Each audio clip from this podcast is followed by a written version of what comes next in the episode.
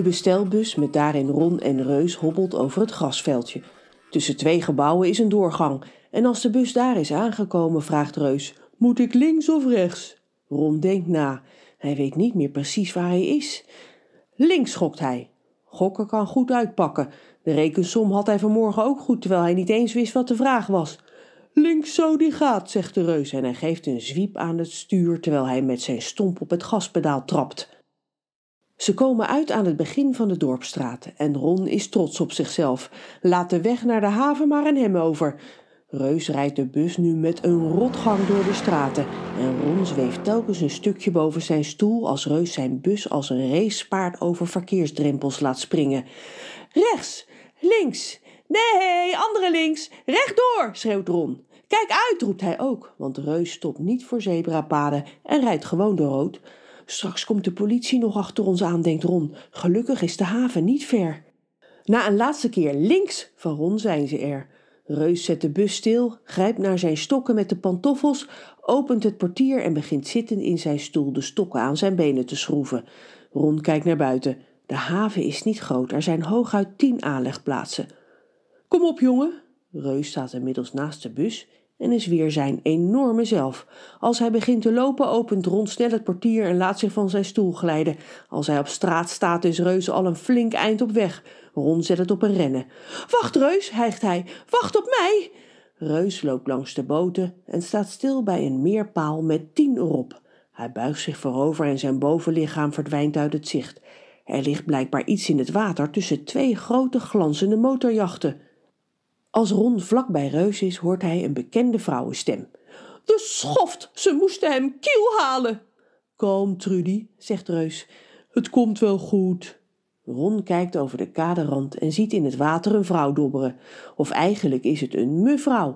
Elk haartje van haar blonde kapsel zit netjes op zijn plek en ze draagt een parelketting. Haar lippen hebben dezelfde rode kleur als haar badpak. Is dat Trudy en is ze een echte zeemermin? vraagt Ron. Maar hij weet het antwoord natuurlijk al. De vrouw in het water lijkt precies op de tatoeage van Reus. Alleen heeft ze op zijn wang geen badpak aan, maar een BH van twee grote schelpen. Ja, ik ben Trudy en jullie zijn geen minuut te vroeg.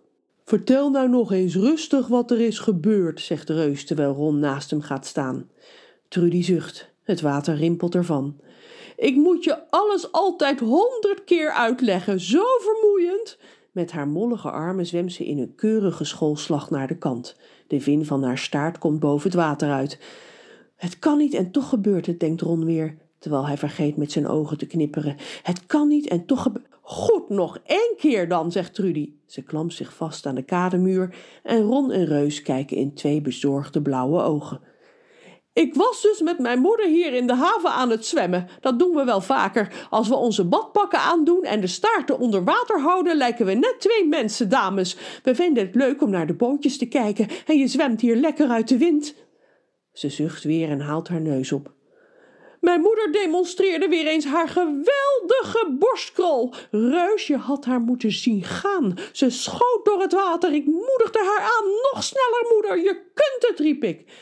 En toen kwam er een motorbootje. Ik besteedde er verder geen aandacht aan, want ik keek naar de fabuleuze armslagen van mijn moeder.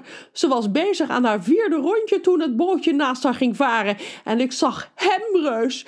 Hem! Trudy schudt haar hoofd en begint te huilen. Ron ziet dat Reus schrikt. Hem? stamelt hij. Ja, hem, jammert Trudy. Wie is hem? vraagt Ron, maar Reus en Trudy horen hem niet. De zeemermin rilt van afschuw. Hij stond in een boot met een touw in zijn handen en pas toen hij dat boven zijn hoofd ging rondzwaaien besefte ik wat dat touw was. Een lasso! Zwem, moeder, zwem, riep ik nog, maar het was te laat. Hij had haar in één keer te pakken. Mijn moeder spartelde en spartelde, maar ze kon niet loskomen. Hij lachte dat nare lachje van hem en daarna voer hij weg, de haven uit, met mijn moeder in zijn kielzog aan een touw. Oh, wat moet ik doen? Mijn arme moedertje, mijn arme, arme. Trudy verdwijnt opeens onder water. Reus staat nog steeds voorover gebogen. Hij beweegt niet. Hij weer, hoort Ron hem fluisteren. Trudy is nog steeds niet boven en Ron begint zich zorgen te maken. Ze zou toch niet verdronken zijn? Maar dan is Trudy er weer. Ik moest even op adem komen, zegt ze, rustiger nu. Ze kijkt naar Ron. Is dat mensenjong eigenlijk wel te vertrouwen, Reus? vraagt ze achterdochtig. Straks gaat hij rond vertellen dat er een zeemermin in de haven ligt. Komen ze allemaal foto's van me maken voor Instagram. Ze petst verontwaardigd met een hand op het water. Of ze brengen me naar de visboer. Lig ik straks met uitjes op mijn staart naast de haring en de kabeljauw. Trudy's stem klinkt steeds kwader en op haar bolle wangen verschijnen rode vlekken. Hij is oké, okay, zustreus. Ron is mijn assistent. Is hij daar niet wat te jong voor? Trudy klinkt nu net als een schooljuf, vindt Ron. Hoe oud ben je eigenlijk? vraagt ze, terwijl ze haar ogen van zijn kruin naar zijn schoenen laat gaan. Dertien, antwoordt Ron. Ik ben klein voor mijn leeftijd. Hmm, ze gelooft hem niet, ziet Ron. Trudy, deze jongen is inderdaad dertien en als je dertien bent mag je klusjes doen voor mensen die je kent. Hij kent mij en hij kent jou nu ook, zegt Reus, terwijl hij Ron een klopje op zijn schouder geeft. Die valt daardoor bijna om. Mijn assistent en ik, gaat Reus plechtig verder, wij gaan je helpen. We zullen je moeder opsporen en bij je terugbrengen. Trudy begint weer te huilen. Wat geweldig, Reus. Ik had niet anders van je verwacht. Ik hoop dat je hem te pakken krijgt en hem een lesje leert. Dat hoop ik ook, zegt Reus grimmig. Of nee, dat hoop ik niet, dat weet ik zeker.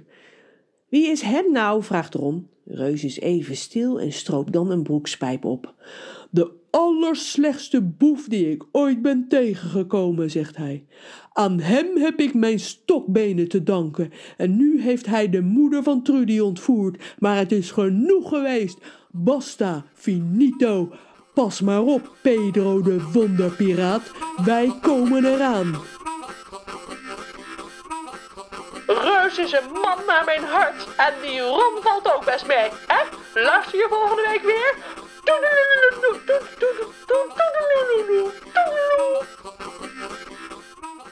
Ron Willem Tattoo is geschreven en geproduceerd door Margot de Graaf.